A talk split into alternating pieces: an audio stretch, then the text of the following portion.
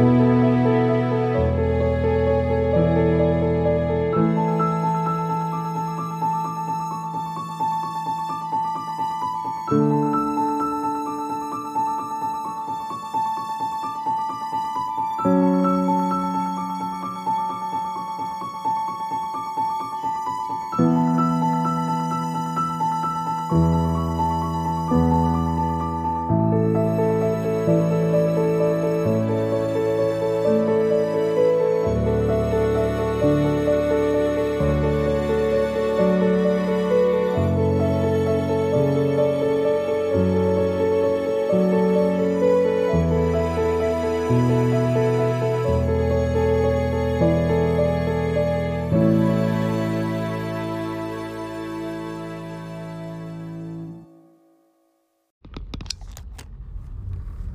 Baik, Assalamualaikum warahmatullahi wabarakatuh. Selamat siang. Um, Hari ini saya akan cerita tentang pengalaman barusan ya. Saya uh, menghadiri sidang ujian proposal dari bimbingan S3 saya. Jadi ceritanya saya menjadi co-promotor atau tim pembimbing ya. Uh, mahasiswa bernama Stefanus Nalendra Jati. Beliau ini dosen teknik geologi Unsri Sriwijaya. Nah promotornya sendiri atau ketua tim promotornya adalah Profesor Denny Juanda. Jadi kami membimbing itu baru berdua ya. Tim promotor ini baru berdua Nah, kami sedang mencari anggota promotor yang ketiga. Gitu. Nah, dalam presentasi proposal ini disajikan program rencana program penelitian yang sudah kami sepakati bertiga ya antara promotor dan uh, mahasiswanya begitu. Uh, ya tentunya pasti ada iterasi lah ya ketika kami berkomunikasi sejak awal pendaftaran sampai hari ini uh, proposal risetnya di uh, uji ya dipresentasikan. Pasti ada iterasi perubahan pasti ada gitu ya.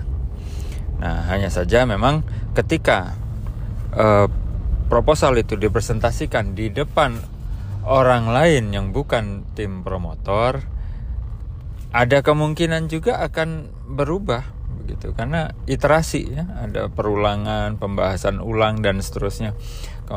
Kemudian melihat barang yang sama dari sudut pandang yang berbeda gitu.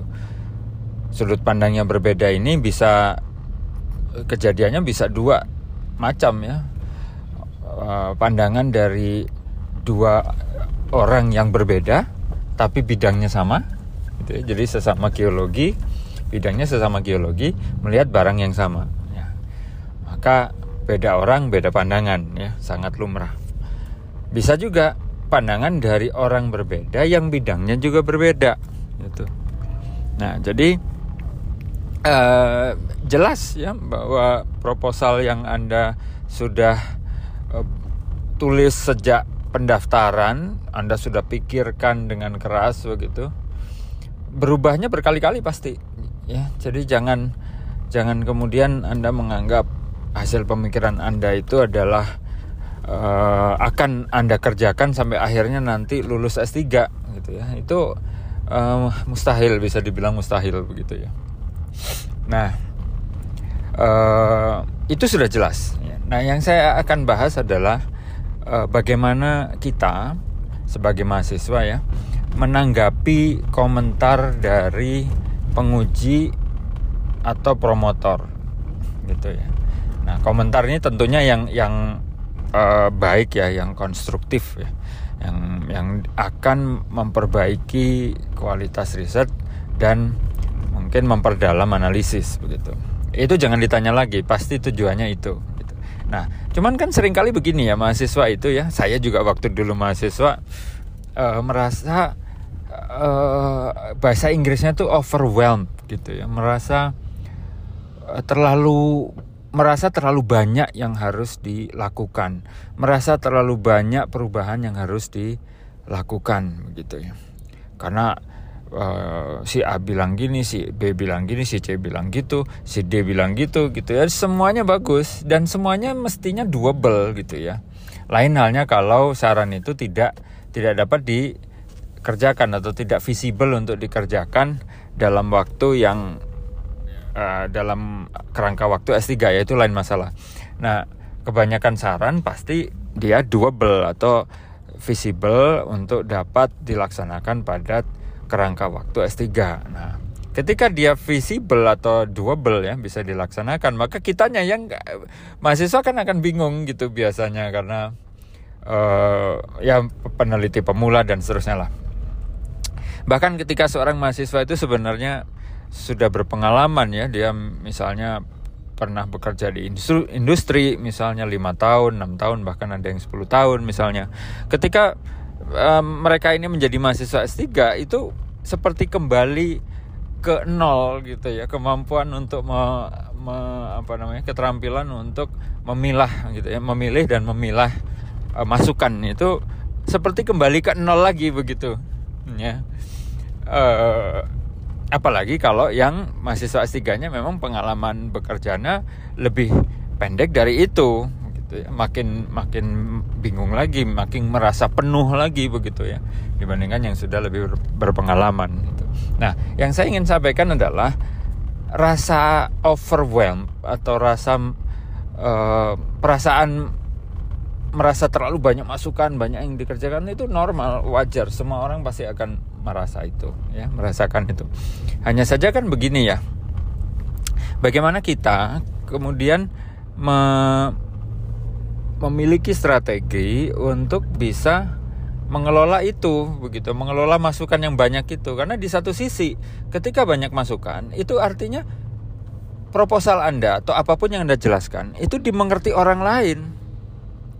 Ya jadi jangan berpikir sebaliknya ketika banyak masukan berarti orang banyak yang nggak ngerti salah justru orang banyak memberikan masukan artinya mereka mulai mengerti atau mengerti sekali dengan uh, pemikiran Anda gitu ya. Dan mereka ingin hasil Anda lebih baik lagi gitu ya. Nah, jadi justru Anda mestinya senang sebagai mahasiswa itu senang kalau banyak masukan. Itu artinya cara Anda menjelaskan, cara Anda menulis, cara Anda menyampaikan dalam salin dia atau slide paparan itu memang sudah bisa dimengerti orang lain. Nah, masalahnya kan sekarang bagaimana kita mengelola masukan yang banyak itu untuk menjadi uh, faktor pendorong kita ya jadi jangan malah jadi faktor penghambat gitu ya nah kalau saya dulu waktu S3 waktu S2 ya. Saya berusaha me, me apa ya melakukan scaling atau penskalaan. Jadi kan ada masukan banyak misalnya 10 begitu ya 10 masukan. Maka di tahap awal saya akan mencoba menggambarkan 10 masukan itu ada di tahap mana gitu ya. Apakah ada di tahap pengambilan data, apakah ada di tahap analisis, apakah ada di tahap ketika nanti kita mulai melakukan interpretasi dan akhirnya menarik kesimpulan gitu ya. Nah, di tahap mana gitu. Nah, setelah dipetakan masukan itu cocoknya di tahap mana, maka Anda kemudian mulai berhitung ya, berhitung waktu, berhitung biaya, berhitung sumber daya yang lain lah yang mungkin Anda uh, perlukan ya. Nah, di situ mulai Anda menghitung kira-kira masukan ini walaupun dia bisa dilakukan ya doable, tapi kalau butuh dana yang uh, tidak sedikit misalnya, maka itu bisa Anda uh, letakkan di prioritas yang lebih ke belakang gitu. Jadi walaupun misalnya dia itu cocoknya masuk ke dalam pengambilan data, tapi kalau mengakibatkan Anda harus mengeluarkan uang yang jauh lebih banyak, maka itu prioritasnya menjadi yang prioritas nomor tiga, bukan prioritas nomor satu, ya. Walaupun munculnya di tahap awal dalam penelitian, ya. Nah, jadi Anda bisa memilah dulu itu, Anda sisihkan dulu. Nah, itu menjadi tabungan ide ketika suatu saat ada uh, apa namanya ada peluang untuk mengajukan proposal riset yang lain misalnya.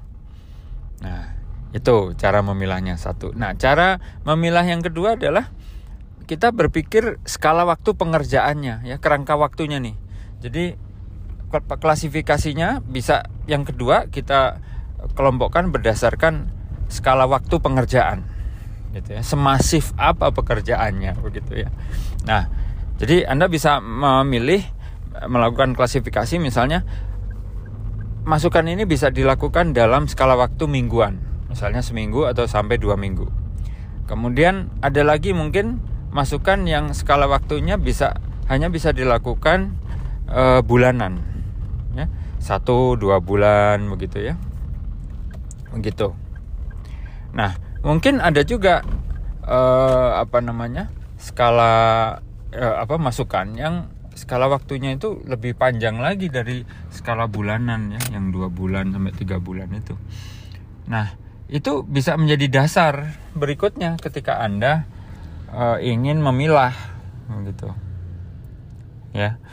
Jadi uh, Anda bisa saja memprioritaskan masukan-masukan yang ordernya tuh mingguan.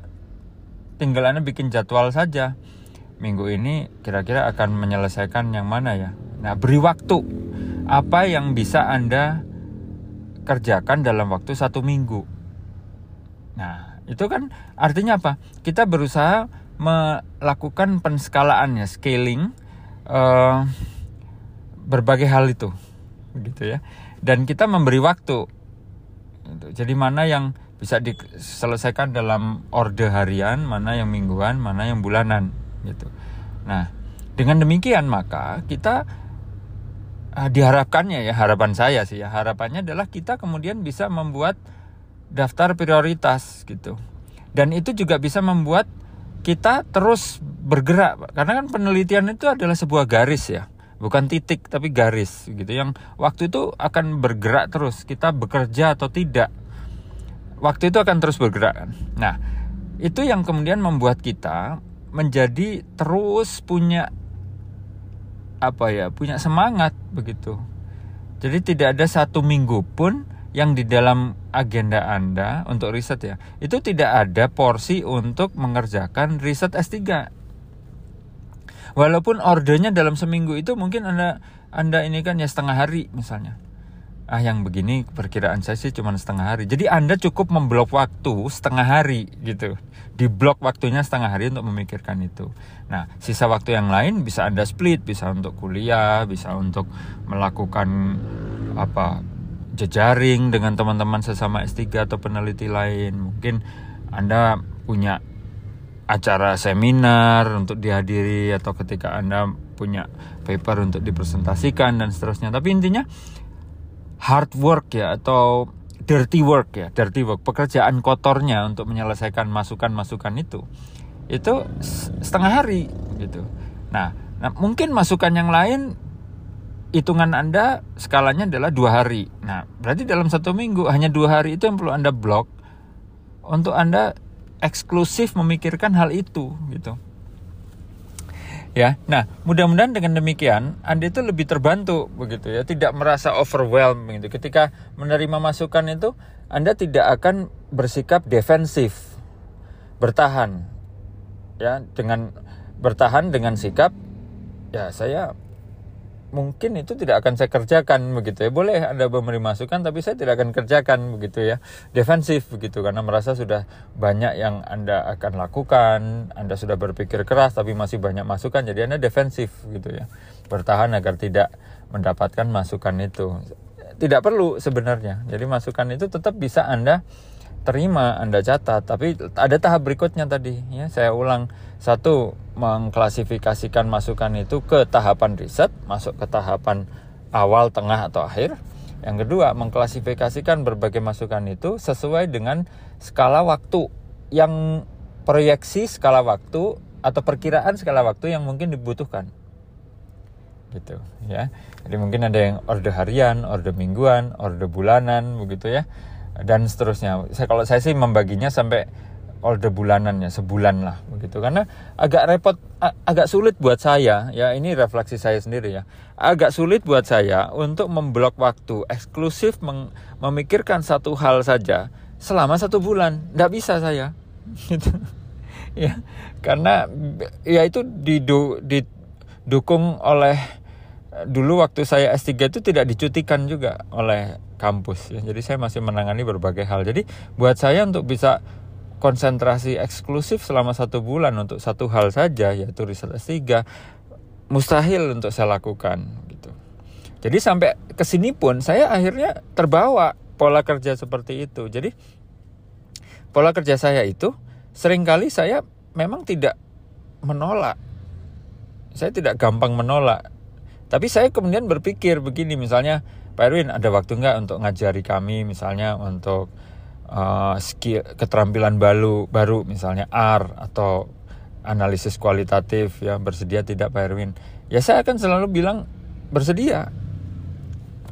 Saya akan selalu bilang bersedia, tapi kemudian saya mengatur ya mengatur kira-kira yang dia inginkan ini yang saya bisa laksanakan dalam orde bahannya tuh orde berapa berapa kerangka waktunya perlu berapa begitu misalnya dia minta sesuatu yang saya bisa bikin selama satu penyiapannya harus satu minggu gitu nah saya akan berusaha menolak saya akan sarankan begini bisa nggak kita bikin berseri misalnya eh, minggu ini tentang ini, dua minggu lagi tentang ini, dua minggu lagi tentang ini, begitu. Itu kemudian membuat saya bisa berpikir mengerjakannya itu dalam orde hari. Jadi apa yang bisa saya hasilkan untuk menyiapkan bahan uh, sebuah acara ya apa pun itu dalam dua hari gitu.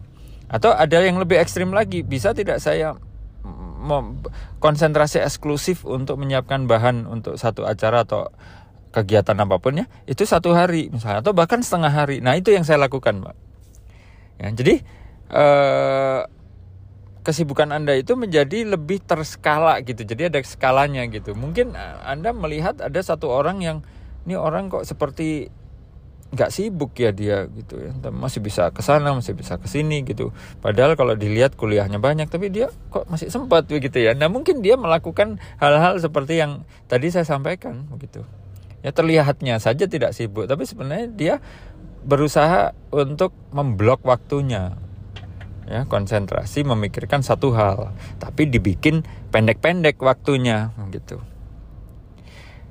mungkin itu saja uh, saran saran dari saya ya masukan berdasarkan pengalaman refleksi begitu ya nah, namun jangan salah juga sering kali juga hal itu uh, gagal saya lakukan Kenapa? Karena ada penugasan yang lain misalnya. Nah itu sangat biasa juga itu ketika Anda berurusan dengan banyak orang ya bisa saja rencana kita itu digagalkan oleh rencana orang lain. Bisa itu.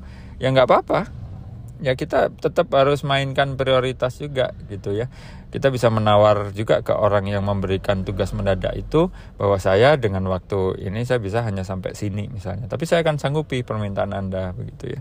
Nah, kurang lebih seperti itulah.